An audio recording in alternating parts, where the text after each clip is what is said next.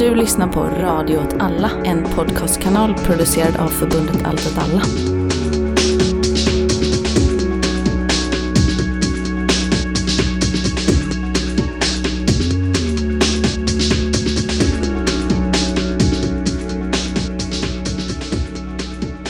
Hej och välkomna till avsnitt fyra av Rekreation, tema kärlek och vi, det är vi, Martin och Kalle. Hej! Hur är läget? Det är bra, det är alla hjärtans dag. Inte när vi spelar in, men just nu Nej. när vi lyssnar. Och vi spelar in i mitt kök, Ja, vilket är bra för då sitter ju du precis bredvid Radio Alice-affischen ja exakt. som är en autonom radiokanal som fanns i Bologna på 70-talet. Ja. Så det känns ju som historiens vingslag. Ja, min, min roliga, mitt roligaste förslag eh, när Radio åt alla skulle startas 2017 så snackade vi namn väldigt länge. Det roligaste förslaget som lades var ju Allt åt Alice. det, det, Förbundet Allt åt Alice. Det, det är diffust. Snav, snav-referens också. Väldigt snabb referens. Men det finns en väldigt bra film om den radiokanalen man kan kolla in. Om man också är intresserad av postoperistisk eller operistisk teori så är det jätterolig. Vad heter när? Den heter typ någonting på italienska. Men sök på Movie about eh, Radio Alice så hittar den. Radio Alice. Ja, exakt. Alice på italienska. Exakt. Eh, den är jättebra. handlar om två student... Eh, eller nej, två arbetarkillar från förort i Bologna som börjar hänga med den utomparlamentariska vänstern i Bologna på 70-talet. Man kan ju Och, eh, också- Det kretsar kring den här radiostationen och är inspelat av ett kollektiv som var ganska nära rörelsen som heter Woming-kollektivet. Om man också inte bara gillar att titta på Radio Alice-filmen så kan man också åka till staden Bologna. Ja, Och där fin- det finns en plakett på väggen va? precis. Och om man hittar stället där det var på, då kan man köpa en likadan affisch som hänger här i, det. i köket. Ett tips. Ett tips. Ja, Men jag ser inte Vi, vi kanske är inom sponspengarna. Från, från, Från, från, den här lilla italienska kiosken. Någonstans i äldre delen av Bologna. ja, men dagens tema är ju eh, kärlek. mm, det är lite, kan framstå som lite apart. Men, men det man kan säga, alltså så, vi har ju snackat om det innan, men man började förstå samhället som en fabrik och, och en fabrik som byggde på eh, mänskligt arbete i vardagen. Eh, och eh, människor producerade affekter och alltså känslor Ja. och upplevelser. Alltså så tjänsteekonomin pratar Precis. man mycket om. Eh, och det, det, det, i, i den här begreppsapparaten så beskriver man det som att, att det är produktionen av affekter. Alltså Mm. en, en tydlig affekt kan ju vara eh, att du hoppar, att du betalar för att få hoppa från ett stup eh, och ha en bungee jump-lina i, i fötterna. Liksom. Tydlig, tydlig känsla och affekt du just betalat för. Ja, Men, men eh, det gäller liksom allt. Även liksom typ sådana som jag, alltså grafiker. Det enda vi producerar är ju egentligen affekter. Mm. Alltså så eh, bilder som ska få folk att reagera på ett visst sätt. Liksom. det är som vi byråkraters rapporter. Mm. Det är också bara affektproduktion. Allt är bara affekt numera. Kolla den här grafen. Mm. Men innan vi går på dagens tema så läste jag återigen en intressant artikel i, Idén? nej, Ja, tack. Göteborgs-Posten. Jag tycker, jag tycker att det är roligt att i mina två olika poddar, den här och Välkommen till Malmö, i Välkommen till Malmö så läser alla bara Sydsvenskan och Fastighetsnytt. Mm. I den här podden så är det DN och GP. Ja, men jag läste också GT. I, ingen. I, I den här eh, återkommande i båda poddarna är att jag inte läser någonting. Nej, du är illiterat. Ganska. Mm. Relativt i alla fall. Men jo, i GP så var det en, ja, det var inte på ledarsidan då. Eh, utan det var en kulturkrönika av en man som heter Lars Henriksson som skriver väldigt bra krönikor. Mm. Jag tror också att han är gammal Volvoarbetare, satt med i Socialistiska partiet. Men jag är inte helt säker. Vi får eventuellt klippa det. Nej, men jag tror, jo men det är han. Okej. Socialistiska partiet som alltså är den här Socialistiska partiet. Eh, politi- socialistisk politik, politik. en del av fjärde internationalen. och en del av Vänsterpartiet. Precis, de fick gå med när de bytte namn till Socialistisk politik från parti, eh, Socialistiskt partiet för, för eh, Några år sedan. ja, vad heter han, Eh, gatekeepern i Vänsterpartiet? Aron Etzler. Ja, precis. Han sa ju nej så länge de hette Ja. partiet. Men så bytte deras mejllista Jag kan, namn till jag kan Socialistisk ändå politik. tycka att det är en okej gatekeeping att vara så, eh, nej ett parti Mm. får inte vara med i vårt parti. Men de, de är ett gäng eh, liksom, de är ju trotskister ja. med allt vad man är med det. Men de är också bara ett gäng goa gubbar liksom. Som har haft en, varit väldigt aktiva, framförallt på Volvo Göteborg med facklig opposition och så. Mm. Ja, men skitsamma. Tillbaka till krönikan. Det var ett sidospår. Ehm, jo, eh, då har jag skrivit en artikel i GP som handlar om eh, en bok som heter Den svagaste länken. av Jonas Nordling. Eh, och den handlar om hur eh, fackförbunden men också föreningslivet håller på att vittra sönder. Mm. Eh, att fler och fler försvinner som aktiva medlemmar. Och Mm. föreningslivet här då är idrottslivet, framförallt eh, fotbollsföreningar. Men också annat typ av idrottsligt föreningsliv, som ofta riktat till barn. Mm. Eh, och eh, fackföreningar och då är det aktiva medlemmar i facken. Och det här är ett, ett problem då eftersom hela liksom, svenska hela den svenska parlamentaristiska demokratin bygger ju Mm. på eh, föreningsdemokratiska principer kan man säga. Alltså att man, eh, man har en idé i Sverige att man fostras in som en demokratisk medborgare genom föreningslivet. Mm. Och nu börjar folk sluta fostras in i demokrati. Mm. Det man, kan man också säga att eh, man, eh, för att återkoppla vagt till vad vi brukar snacka om, Mm. att, att man också, minns jag att jag läst tidigt 1900-talshistoria, att man när man liksom etablerade den liksom ordningen, att så samhället ska ha en genomgående logik som ska börja i den minsta beståndsdelen som är liksom föreningen. Mm.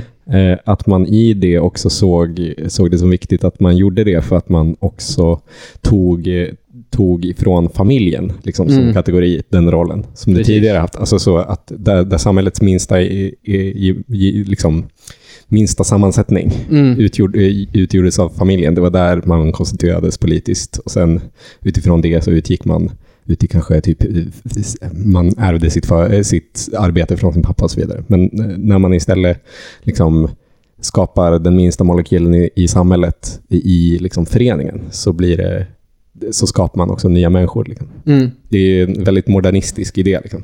Men att ta som exempel då, i Göteborg så fanns det i mitten av 90-talet eh, 400 fotbollsklubbar. Idag 137, så det är en ganska stor drastisk förändring. Eh, och parallellt med det här så har ju uppkommit, för det finns ju fortfarande ett stort eh, behov kanske är fel, men en stor vilja hos föräldrar att sätta sina barn i, i någon form av aktivitet. Så parallellt med att föreningslivet har försvunnit så har det kommit privata initiativ eh, som har hand om eh, föreningsidrotten. Mm. Men eh, ja, utmaningen här är ju då att det är ingen folkrörelse längre då. Det är Nej. något annat liksom. Det fostras ingen ny människa. Nej. Och det, det här kan vi nog ta upp som ett tråd längre fram i avsnittet också. Men det intressanta är ju att det är liksom fler och fler sfärer som blir mer och mer...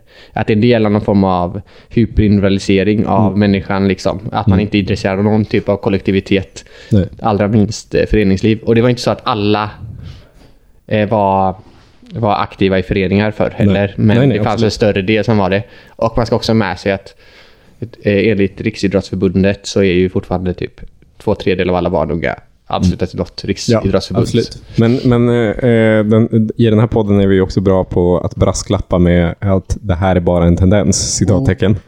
Eh, och det tycker jag ändå att man... Ja, absolut. Det här är en tendens. Men, men kan vi uppehålla oss... Jag, jag tycker vi kan prata sport lite mer. Ja. Eh, just för, Absolut. för att jag, jag tar ändå tendenser på allvar. Mm.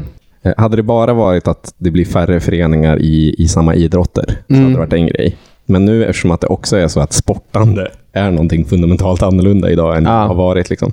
Så typ Crossfit. Crossfit är ju ett företag. Mm. Det är typ Crossfit TM. Liksom. Ja, Alltså så Body Pump, eller vad fan det heter, så Les Mills. det tenderar ju... Det är ett copyrightat liksom, fenomen. Det tenderar väldigt mycket mitt arbete. Men eh, man kan ju säga så här, traditionellt sett så är de stora folkrörelsesporterna eh, återskapas och hela tiden reproduceras för att eh, det, det är enkelt att bedriva dem för alla kommuner har ju byggt anläggningar för dem. Just det, såklart. Så att, eh, att till exempel då, eh, svensk fotboll är en sån stark aktör. Det är ju också för att städer ofta har väldigt många idrottsplatser för dedikerad fotboll. Mm. Men man kanske inte har så många för cricket, Nej. som är en ganska ny sport. Ja. Eh, och det som är, om man kollar på ungdomar, för att se tendenser kan man ju se på vad ungdomar vill göra. Just det. Och då är det ofta, när man gör så ung- ungdomsundersökningar, så är det att de flesta unga idrottar en lagsport fram till början av gymnasiet. Och då vill alla bara gymma. Ja. Så det är också en sån hyperindividualisering av, ja. av idrotten. Och jag tänker också att, där, nu vet jag ju att du gymmar, så Mm. ta inte det här som en förolämpning. Men jag tänker också att gymning för många är ju ett sätt att förbättra förbättra sig själv. Det är ju Ja, även absolut. andra sporter. Det är en del, alltså alla Ja, sporter är ju att man blir ju, man blir ju piggare och bla bla bla. Men just gym är ju bara en sån, Ja. eh, kolla här, nu har jag fått lite mer muskler på den här Ja. sidan av benet liksom. Sidan. jag kan ingenting av de. Om det är så du gymmar, att du blir väldigt stor i ena benet, då borde du byta sätt. Ja, och glöm inte att gymma ryggen även om det inte syns i spegeln. Det är så alla gymnas- gymnastiklärare hela högstadiet. Ja. Men jo, men alltså jag tänker att just att det är väl också en, en del av den tendensen. Att Jo, jo, just gud. den typen av eh, uttrycksformer inom idrott blir större. Men jag, jag till exempel är ju en väldigt individualiserad människa. Ja. Eh, Men jag, jag gymmar ju på Collective Effort, så, så på så sätt så... Som Mycket sponspengar det här avsnittet. Som, som alltså är en vänsteridrottsförening i Malmö, Ja. Norra Gränges. Precis. Dit kan man gå. De har också thaiboxning Ja. och eh, Ibland har de barnthaiboxning, Ja. har jag hört. på lördagar. Men man kan också träna i grupp, fast bara med sin kropp. Ja, just det. Fyspass. som Exakt. Mm. Som vi sa i det förra avsnittet så har vi till det här avsnittet intervjuat Michael Hart. Michael Hart är en politisk teoretiker, vänsterintellektuell. Framförallt är känd för att ha tillsammans med Antonio Negri har författat Imperiet-trilogin och eh, Assembly. Men har även själv intresserat sig för frågan om kärlek och politisk kärlek i jakt på en radikal förståelse av hur människor kan kopplas samman. Recording in progress. Hi. Uh, hold on, let me Will you use the images or only the voice? Okay, good. Ska vi först snacka om eh, hur coolt det är att vi har intervjuat Michael Hart? Ja, det var asroligt. Det är ju lite en dream come true. Alltså den riktiga dreamen det är att man ska få intervjua Antonio Negri. Mm, problemet där är ju att han, det påstås att han inte kan engelska. Han- jag har ändå sett mycket videos där han sitter i engelska paneler och bara väg, inte pratar engelska. Mm. Men bevisligen kan han ju lyssna till engelska. ja, men det kan ju jag också. Ja, det är sant.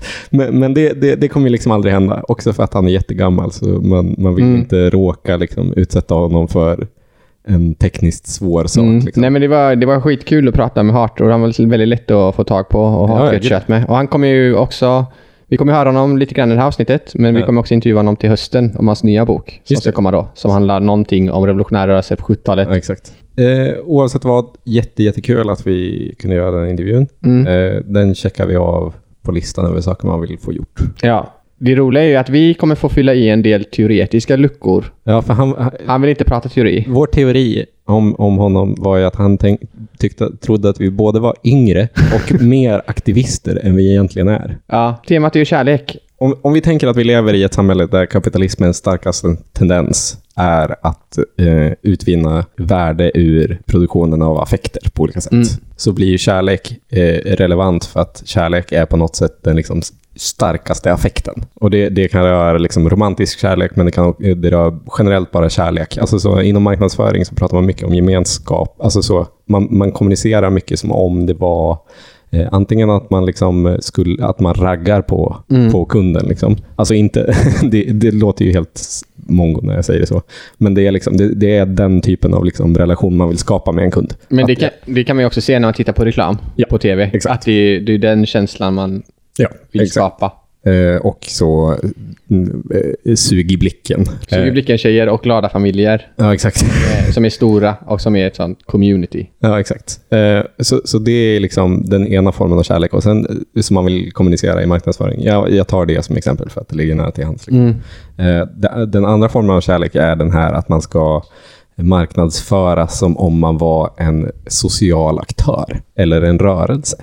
Och att man vill, liksom, man vill inte bara att, att potentiella kunder ska tycka om en och vilja ha ens produkt, utan man vill att de ska känna att de är en, en del i någonting, citattecken. Uppleva community. Liksom. Och det, är- det är en annan form av liksom, kärleksaffekt man, man skapar då. Eh, eh, Och en gemenskap och liksom, belonging pratar man mycket om. Marknadsföring är bara ett extremt exempel på det. Eh, Det är liksom varje gång du går in på Espresso House så utsätts du för samma knep. Liksom. och och då, blir, då blir ju känslan av kärlek relevant, för kärlek blir produktivt på något sätt.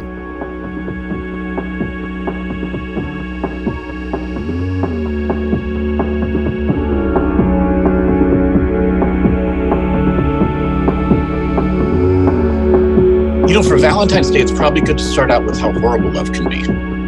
Know, there's some, uh, what should we call it, uh, theoretical, you know, political ways in which many authors have recognized how how horrible love can be. I mean, when I think about uh, older feminist traditions like Mary Wollstonecraft or or Simone de Beauvoir, recognizing how women are are consigned to love as a kind of tether. You know, as a as part of gender subordination, love functions as a as a mandate or a uh, you know as if as if women will be dedicated to love where men can forge careers etc you know so there's there's certainly there's certainly that. But i think much more important for us today or at least for me i mean that is still important. And the refusal of love as a um, as a trap. Yeah that's really the way it functioned in that.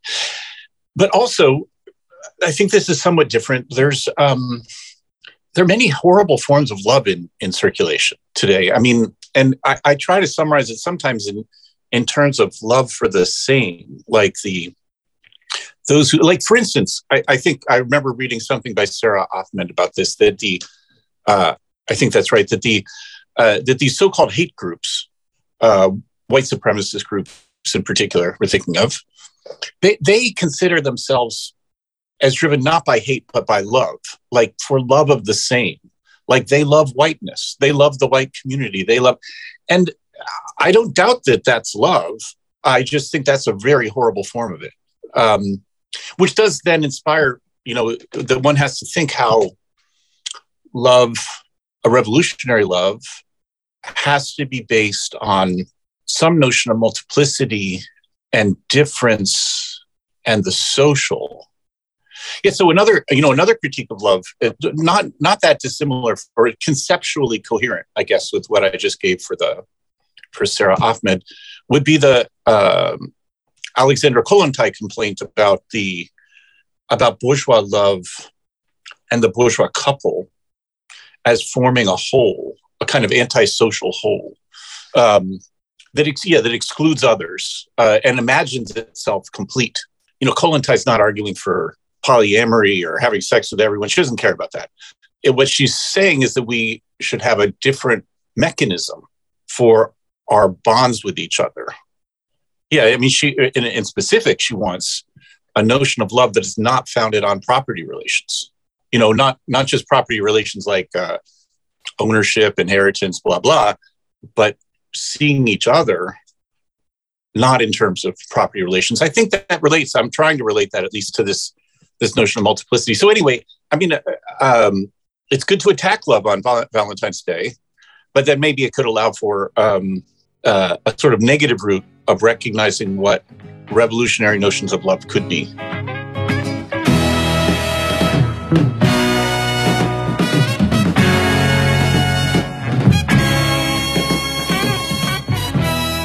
Spinoza var då intresserad av liksom, eh, relationer mellan människor. Och, och, och, det är liksom han som kanske inte lanserar, men liksom populariserar begreppet affekt specifikt. Mm. Eh, och han, han, beskriver en affekt som när en kropp påverkar en annan. Mm. Eh, och, och det om man vill, om man vill ha en, eh, en lång etymologisk förstå, eh, förklaring till varför så feminister idag pratar mycket om kroppar allting började med Spinoza.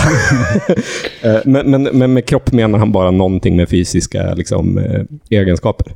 Ja. Så typ, eh, ett exempel kan vara att det sätt som jag just nu affekterar dig är genom de hörlurar du har på dig eller de högtalare mm. du har. Det, det, de affekter du utsätts för är till konsekvens av liksom de fys den fysiska miljön och de fysiska konsekvenserna. Alltså var, han var en så tidig form av materialist kan man säga. Mm. Men han, han har liksom, eh, Spinoza har liksom tre grundläggande affekter. Och det är glädje, som, som Harton Negra eh, pratar mycket om. Och, och glädje, eh, alltså joy på engelska, det är helt enkelt när eh, människan, eller när du upplever att, din, att du har en utökad kapacitet att agera. Alltså ett utökat handlingsutrymme. När du känner att du har kontroll över din tillvaro. Eh, så, så glädje och makt är väldigt sammankopplat. Mm. Och sen sorg, som alltså är motsatsen, när du känner att din liksom, kapacitet till att äh, agera krymper. Och sen den tredje är begär. Eh, och begär är helt enkelt viljan att utöka sitt handlingsutrymme. Och då blir ju återigen eh, frågan om kärlek väldigt relevant. Mm. Är väldigt tätt sammankopplad med glädje begreppet. Liksom. Och eh, hos Michael Hart och Anthony Negri så är det ju kärlek någonting de återkommit i hela den här trilogin. De har skrivit Imperiet, Multituden, Commonwealth. I slutet av Imperiet står någonting att genom kärlek ska vi besegra alla. och Multituden är något liknande. Så här, mm. Demokratiprojektet måste börja i kärleken. Mm. Och i Commonwealth så har det ett helt kapitel. Mm. Och eh, det är ju, precis, Spinoza är ju viktig här, men ännu viktigare är ju att Antonio Negri eh, sov på Guattaris soffa när han flydde från Italien.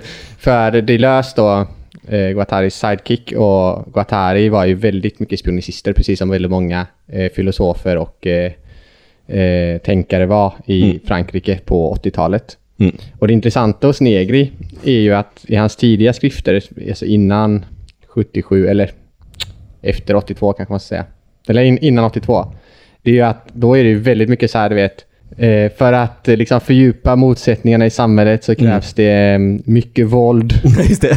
eh, mycket antagonism, samhället Ja. måste brinna upp. Ja. Eh, vi pratade om förra avsnittet om sociala Ja. arbetaren. Den sociala arbetaren finns överallt. Ja. Därför finns också motståndet överallt. Vi kan attackera allt. Just det. Men när han eh, sitter i fängelse då, senare, eh, och är på. Vem, vem hade kunnat ana att man skulle hamna i fängelse om man skrev så? så eh, revideras ju allt det här egentligen. Ja. Och det är då eh, som kärlek kommer in hos Antonio Negri. Mm. Och där eh, tänker jag att det har också med att det är en, en eh, väldigt inspirerat av Deleuze och Guattari som pratar mycket om Brière-maskiner, alltså att allting är maskiner på något sätt. Och Alltså- att de kopplas samman genom begär. Med, med maskiner så menar vi alltså... Eh, Munmaskiner, näsmaskiner, handmaskiner. nej, men mer, mer så eh, en, en, en samling komponenter. Ja, precis. Men det är mer Eh. som att se på någonting som att man slutar se någonting överhuvudtaget som en fast kategori. Ja. Utan allting kan, så precis som en maskin Mm. kan sättas samman och tas ifrån, så Ja. kan också de, de här maskinerna, alltså det är Ja, bara... så typ en, en relation mellan två människor är en form av maskin. Ja, eller liksom. en anordning. ja. ja. Men ja, absolut, absolut. Jag har inte läst Deleuze. Det, jag har läst för mycket Deleuze. Men, så jag är helt lost. Men, nej, men så, så är det absolut, det kan Mm. man väl säga. Och, men, och också att de här eh, maskinerna eh, liksom sammankopplas och bygger nya maskiner, Ja, större det. maskiner. Olika delar av maskiner skapar nya maskiner och så Just vidare. Men jag tänker just att det här leder ju, alltså de här teorierna leder Mm. ju till också att eh, Negri och Hart då, Hart skrev ju en avhandling om Deleuze liksom på, Mm. det var ju hans avhandling. Det leder till att man bryter lite med idén om den destituerande makten. Mm. Alltså den destituerande makten är ju det här eh, bryta ner, vägra, säga nej. Mm. Och man istället börjar fokusera på den konstituerande makten. Den Det byggande. Ja, den byggande, den positiva. Det Mm. som man har också tagit från Spinoza, på där potentia. Mm. Där på där då är den negativa makten kan man säga, eller makten över. Mm. Och potentia är den makten som har en potential. Mm. Till att skapa någonting. Mm, precis, och där tänker jag att kärlek passar ju väldigt bra in liksom, i idén om en konstruktiv, Mm. ett, ett konstruktivt motstånd inom kapitalismen som inte så mycket, för det är de också inne på mycket ju eh, i de här böckerna, ett undanflyende snarare än en konfrontation. Mm. Men för att här under Exodus ska kunna bli av, vilket är nästa temaavsnitt, Är det, eh, har, har vi bestämt det? det har vi bestämt, Ja. eh, eh, så måste man ju skapa de här eh, sammanslutningarna liksom. Eh, och, i skap och i skapandet av det gemensamma eller i skapandet av allmänningen så är just, menar de ju då på att kärlek Mm. är det centrala. Mm. Men kärlek är ju för dem inte det som i vardagligt, vardagligt tal Mm. kallas kärlek. För kärlek är ju, deras kärlek är ett brott med den traditionella synen på kärlek. Just det. Alltså att den traditionella på kärlek, det, synen på kärlek är ju ett sätt att få ihop ett binärt relation Mm. för det mesta. Alltså att en, en person träffar en annan person så blir de en ny enhet och den Mm. enheten är perfekt. Det är ju den klassiska borgerliga kärleken. Mm. Eh, som fått väldigt mycket kritik från, från vänsterfeminister och sådär, som Hart säger i sin intervju här också.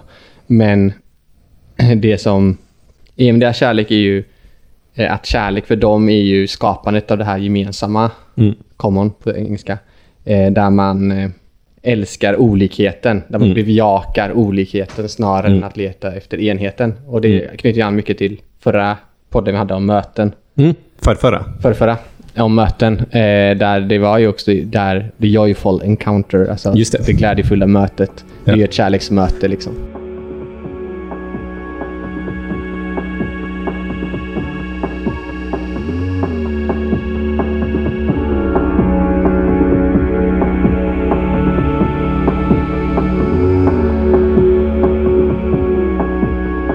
I think it's not very productive to regard love and hatred opposites and incompatible. And there are different ways that I can think of that other thinkers have gone about uh, doing that. it might be more useful to contrast different functioning conceptions of love rather than contrast love and hatred.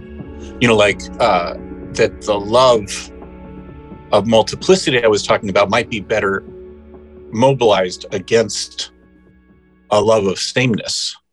Um, I mean, that's, I mean, I, I think that's actually not a bad way of thinking about, let's say the, the, the George Floyd rebellion's stage of Black Lives Matter in the US.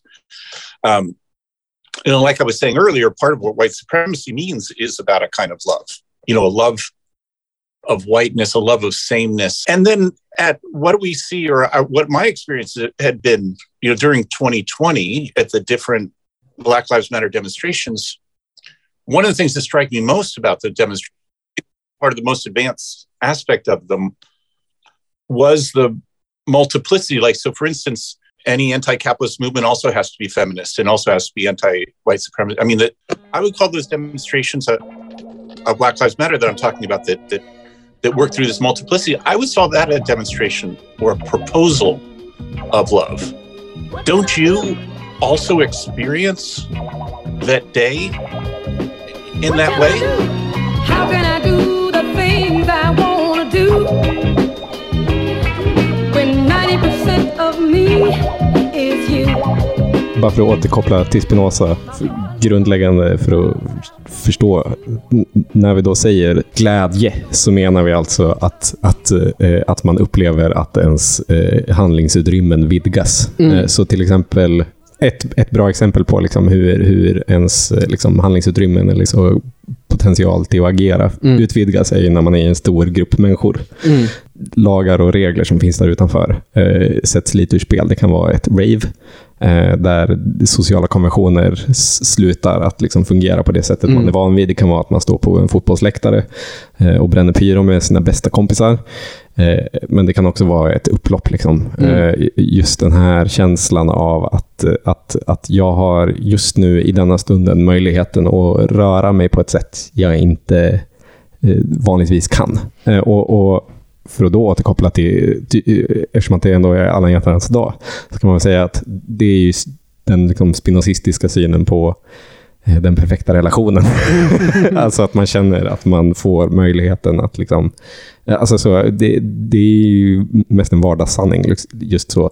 Eh, hon drar fram det bästa i mig. Liksom. Ja. Eh, fast fast eh, istället för att tänka hon drar fram det bästa i mig så eh, eh, tillsammans så händer det någonting som inte Mm. hade hänt annars. Liksom. Man kan säga att man ut, eh, expanderar sin glädje, formar nya och starkare kroppar och sinnen.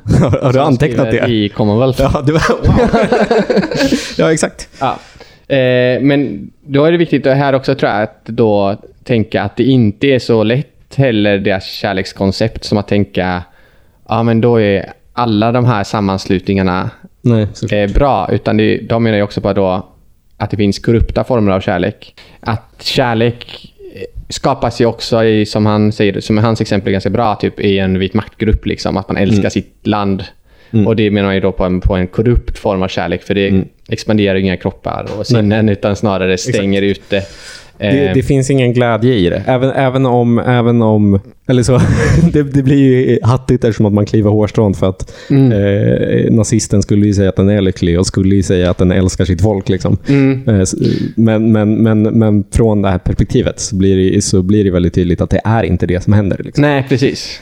Utan det är ju det här expansiva Mm. eh, multiplicerandet av eh, människor, Mm. saker Mm. som gör att, att det är en produktiv kraft, liksom, kärleken. Exakt.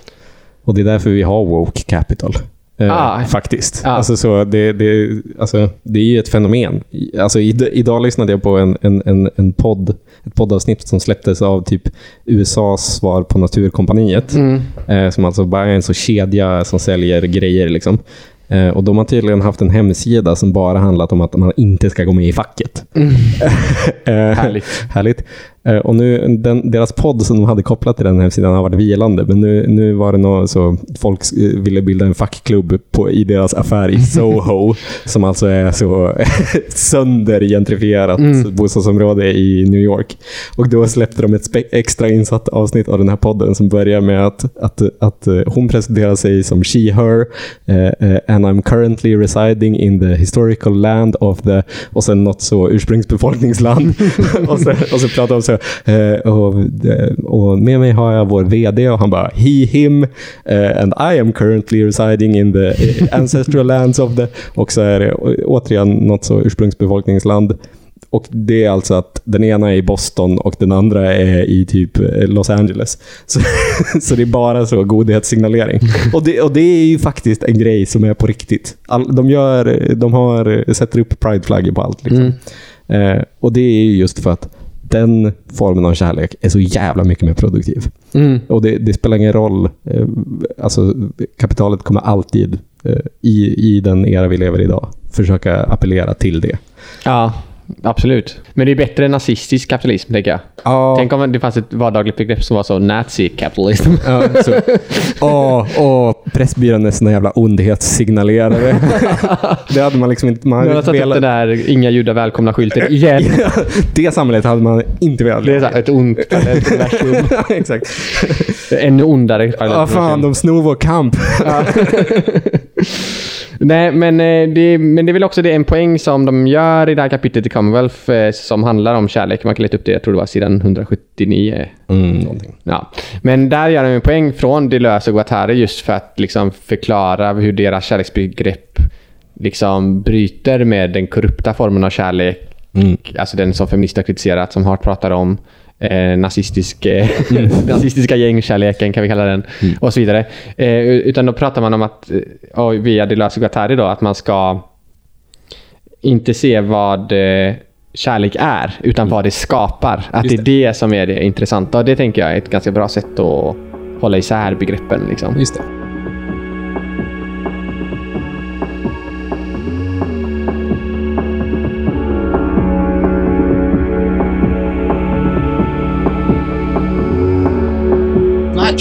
Any difference, or at least is the way I, you know, think of it, is loving different streams of struggle for liberation.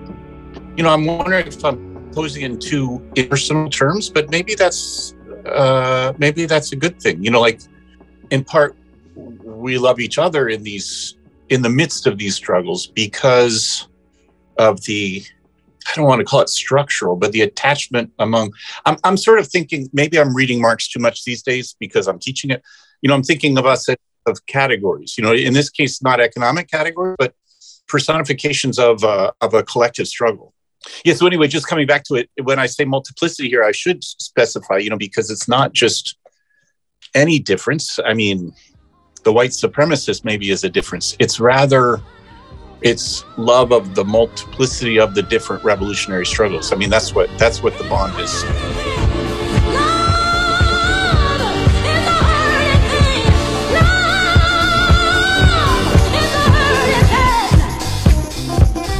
Men om vi, om vi snackar om kärleksbegrepp, alltså olika sätt att se på kärlek, så eh, kan man väl säga att ett av de liksom mest eh, liksom grundläggande, så de äldsta liksom förståelserna av kärlek kommer från Sokrates. Eh, eh, Platon beskriver hur Sokrates eh, går till en, eh, en fet fest eh, och, och där ska alla hålla ett tal till eh, Eros, alltså kärleksgudinnans ära. Och, då, och då börjar Sokrates med att ställa lite frågor. Där han, han menar att kärleken är just spänningen mellan olikhet.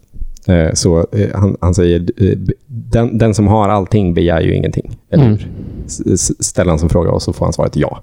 Du, du har rätt. Eh, och, och därifrån kommer liksom på något sätt det mest grundläggande sättet att förstå vad, vad kärlek är. Alltså att vi, att vi åtrår någonting och sen eh, söker vi oss till det. Och så tar vi del av det. Men, och, och det sättet, av, sätt att se på kärlek kan man ju säga är eh, väldigt förhärskande även idag. Just det här eh, transaktionella. Alltså att det är jag vill ha en kille som är 183 centimeter, vilket för övrigt är min längd.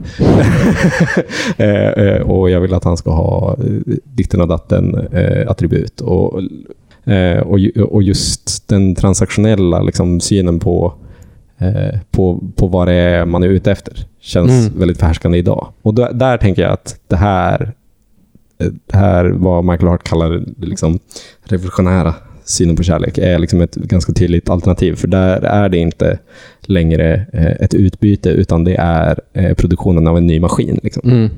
Och Det är någonting annat, även om det till viss del är ganska snarlikt. Jag kan tycka att det ibland blir lite så hårklyvande, för jag fattar inte riktigt vad skillnaden är. Eh, men, men, men, och, det, och det känns som att den här, den här frågan har blivit liksom mer aktuell under covid. Just eftersom att folk inte har kunnat mötas spontant. Mm. Eh, och, och när, eh, det pratade vi om i avsnitt två också, just om mötena. Att, att de digitala mötena är alltid uppgjorda i förväg. Mm. Liksom. Eh, typ eh, att, att ni båda sitter på plattformen Tinder till exempel. Det är någonting som är uppgjort. Mm. Liksom. Även om det inte är planerat av er i förväg så är det ändå en mer planerad, ett mer planerat rum Precis. än, än gatan eller krogen. Liksom. Ja. Det, jag tycker att det är jättekul att folk förr i tiden så, så var det så jävla mycket snack om att så man gick på krogen för att få ragg. Ingen går på krogen längre. För, alltså man går på krogen för att dricka öl och sitta med sina lilla sammanslutning kompisar. Alltså så det finns inte den typen av dynamik längre. Nej. Eh, och det kan jag tycka är, har liksom aktualiserat liksom hela frågan. Mm. Eh, och, och, och eh, om vi då förstår liksom kärlek som politiskt begrepp så kan vi istället för att bara titta på Tinder så kan vi också se på just så att vi som politiska liksom, varelser rör oss i, i olika kurerade flöden för att ta del av liksom, polit, politiskt sociala miljöer. Eh, och det här sker liksom inga spontana möten utan, och vi träffar inte några nya och vi, vi skapar inte någon ny maskin ihop. Nej, utan utan vi, vi söker oss till dem. Alltså allting är uppgjort i förväg. Liksom. Mm. Jag har min filterbubbla. Liksom. Eh, och den kommer liksom inte... Det finns ingenting, ingenting expansivt i den. Liksom. Nej.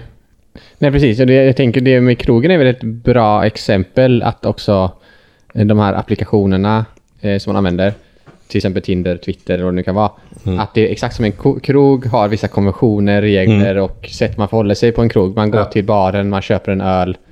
I, I Sverige, andra länder blir man ju bordsserverad. Men det finns ändå en uppsättning. Viktigt! Ja, det- jag tycker det är- Viktig distinktion. Jag tycker det ändå är sjukt att man måste gå till baren. Men skitsamma.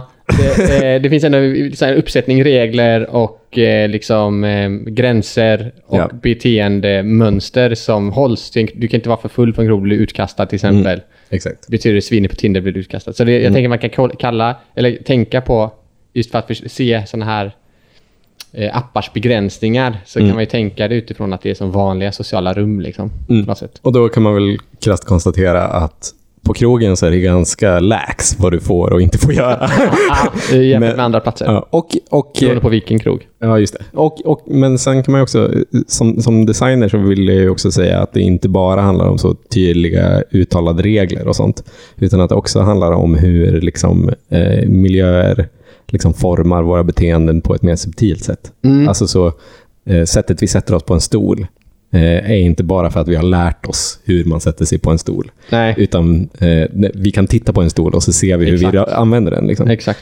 På samma sätt så kan vi se, ser vi ett chattflöde så beter vi oss på ett speciellt sätt som Mm. vi inte hade gjort om det inte var ett chattflöde. Nej, liksom. precis. Mm. Eh, Och jag vet inte exakt vad, vilka de beteendena är, men jag kan tänka mig att eh, Eh, just eftersom att eh, så, eh, så klicka bort och glömma är så lätt att göra. Så, så, så för, för alla sociala relationer man har är ju på något sätt lite påtvingade. Liksom. Mm. Alltså så, du, du går i samma klass som någon. Eh, Du, du kommer liksom inte kunna smita undan. Eh, Och sen eh, får, varje gång du träffar den så får du möjligheten att bli kompis med den. Men du får ju också möjligheten att bli ovän med den liksom, såklart. Men, men liksom, relationer kan ta en, organ, ha en liksom, organisk form. På så. sätt. Däremot i de här miljöerna där man bara kan så se upp kontakter med folk, Mm. Bokstavligt talat med ett knapptryck, liksom, Mm. så får liksom inte relationer den möjligheten att växa åt något håll överhuvudtaget, utan de blir liksom sterila. Liksom. Mm. Och det anknyter ju ganska bra till den här artikeln av Lars Henriksson, GP, just eh, där vi pratar om den här tendensen med den här hyperindividualiserade tiden. Typ att Tinder, där även typ relationer blir en nyttomaximerande sak, Mm. eh, är väl också en del av den tendensen. Liksom. Mm. Jag tror, alltså just den transaktionella delen av romantisk kärlek tror inte jag heller. Jag tror inte att det är så att folk är gold diggers. Liksom. Nej, nej, utan, absolut utan, inte. Alltså det är väl Men folk också. mer, Liksom. Jag tänker mer att man har liksom ett samhällssystem som, eh, som producerar och reproducerar människor som hela tiden ställs inför det faktum att de hela tiden kan göra nya val. Ja, exakt. Så du kan alltid göra ett val. Du kan alltid göra ett val. Du kan Mm. välja en skola, men du kan alltid eh, tänka det finns en bättre skola. Mm. Du kan välja en partner, men du kan alltid tänka det finns en bättre partner. Mm. Du kan alltid gå välja ett jobb, men du kan också Exakt. alltid tänka ja, men jag ska ha ett annat jobb. Ja. Eller vad det nu kan vara.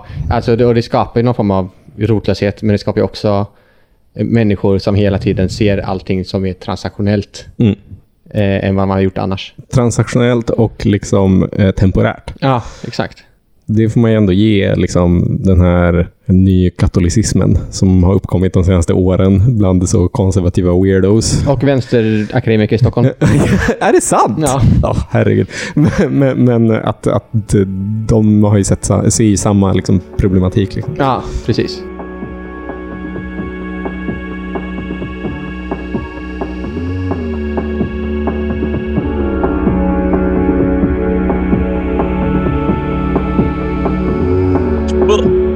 You know, just because we were just talking about it, I experienced in 2020 those Black Lives Matter movements as a kind of miracle because it, I, I thought that the impossibility of being together, you know, that's what a lot of uh, what the COVID, you know, what the governments have done and what the disease has done, both of them together, have made it have imped, have impeded or or made impossible being together, and which is at least in my you know experience necessary for political struggle you know being together not just on zoom. So like i said that that was um that was a great surprise to me that so many people in so many numbers were able to um able to come together you know in the streets and such. Um but it's it, one has to say that uh, across the world it's been a um you know my political engagements for whatever 30 40 years have always been in these kinds of encounters you know in social centers you know not just in the street of course but in you know kinds of group discussions and forums and you know uh, all kinds of um, always being together as not just being together with everyone you know and but rather the the it's always involved a kind of encounter.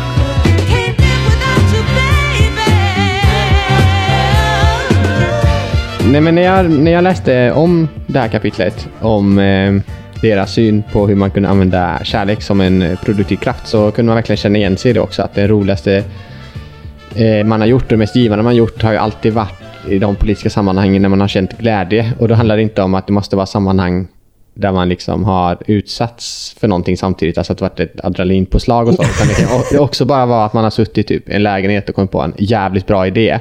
Och att det är de sammanhangen som man eh, har lyckats expandera sina kroppar och minds liksom, till, tillsammans, eller sinnen. Men ju- just den grejen när man kommit på en väldigt bra idé är ju också ett bra exempel just på hur man plötsligt upplever att, man, att ens kapaciteter utökas. Mm, man, man knäcker en kod liksom och så eh, Men inte möjliggörs en bara, massa... inte bara liksom. att man kom på idén, utan man, man har känslan av att den här idén eller den här liksom, grejen vi ska göra har vi kommit på tillsammans. Jag hade Mm. aldrig kunnat komma på det här själv, men med det här gänget är vi liksom ostoppbara. Eh, det- Den här eh, politiska frågan pågår. Tänk om vi gör det här. Mm. Och så är det så bara, ja, tänk om vi gör det här. Verkligen. Och så vet ingen vem det är som kom på idén, för det har Nej. skett liksom på ett kollektivt sätt. Exakt. Eh, och det sker aldrig heller, ska man med sig, det sker aldrig heller när, när arbeten försöker styra, typ ha sådana produktiva workshops Nej, med sådana post-it-lappar. Då sker det ju aldrig, för det är för styrt liksom. Utan det måste Exakt. ske i de här frivilliga sammanhangen när man ofta är med folk man kanske inte ens känner så Mm, bra. exakt. Men som man ändå kan få, få det här utbytet av. Mm. För just den grejen med eh, främlingar är ju ganska centralt. Ja. Eh, i, i, alltså just om, om ens kärleksbegrepp mycket utgår ifrån liksom, eh, olikhet eh, så blir liksom främlingskap ganska centralt.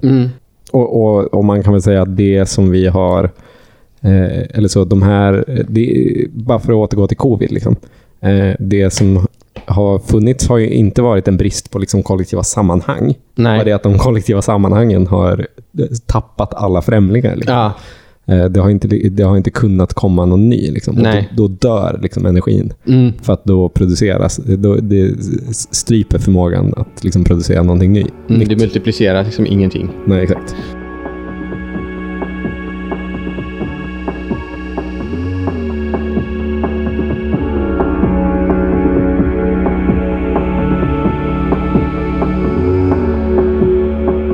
Love has to be part of a project of liberation? You know that has to be part of an expansive project of, of social liberation. And i don't mean this as a kind of selflessness uh, being altruistic or self-abnegating. No on the contrary.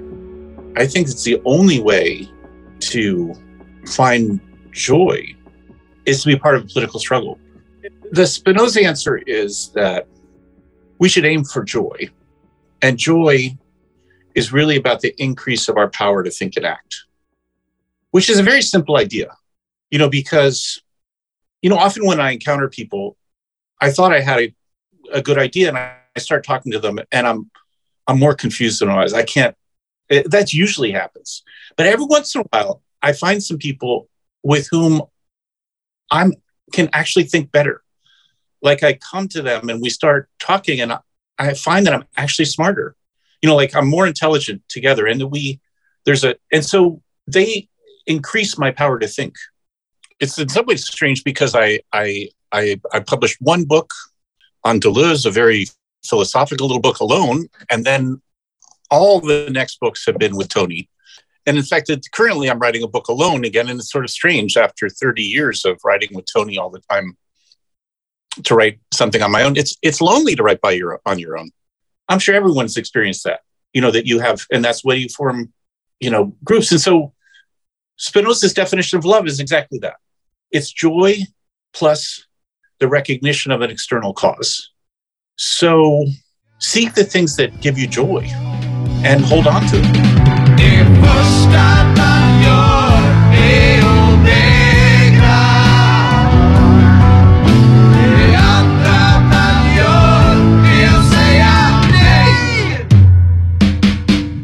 Vad, vad ska vi prata om nästa avsnitt? Ehm, jo, då är vi tanken att vi ska prata om Exodus. Mm. Eh, alltså flykt. Mm. För det är ett, ett, en tematik vi har eh, Tangerat. tangerat, gått runt gröten, så, Ja. äh, heta gröten som en katt. Ja. Jag har redan skapat en jättebra spellista inför det här av Mm. musik till det avsnittet. Jag funderar på vem eh, vi ska Ringa? ringa. Ja. Och jag har mina idéer, men jag vågar inte säga någonting nu. Nej. Eh, Jag tror det kommer bli ett jättebra avsnitt det också. mm. Ska man snabbt säga, med, med flykt så menar vi alltså inte bara flykt över landsgränser. Nej, utan flykt från Mm. och till. Ja, Från liksom eh, exploatering och utsugning till himmelrikets portar. ja. Kairos. Kairos helt enkelt.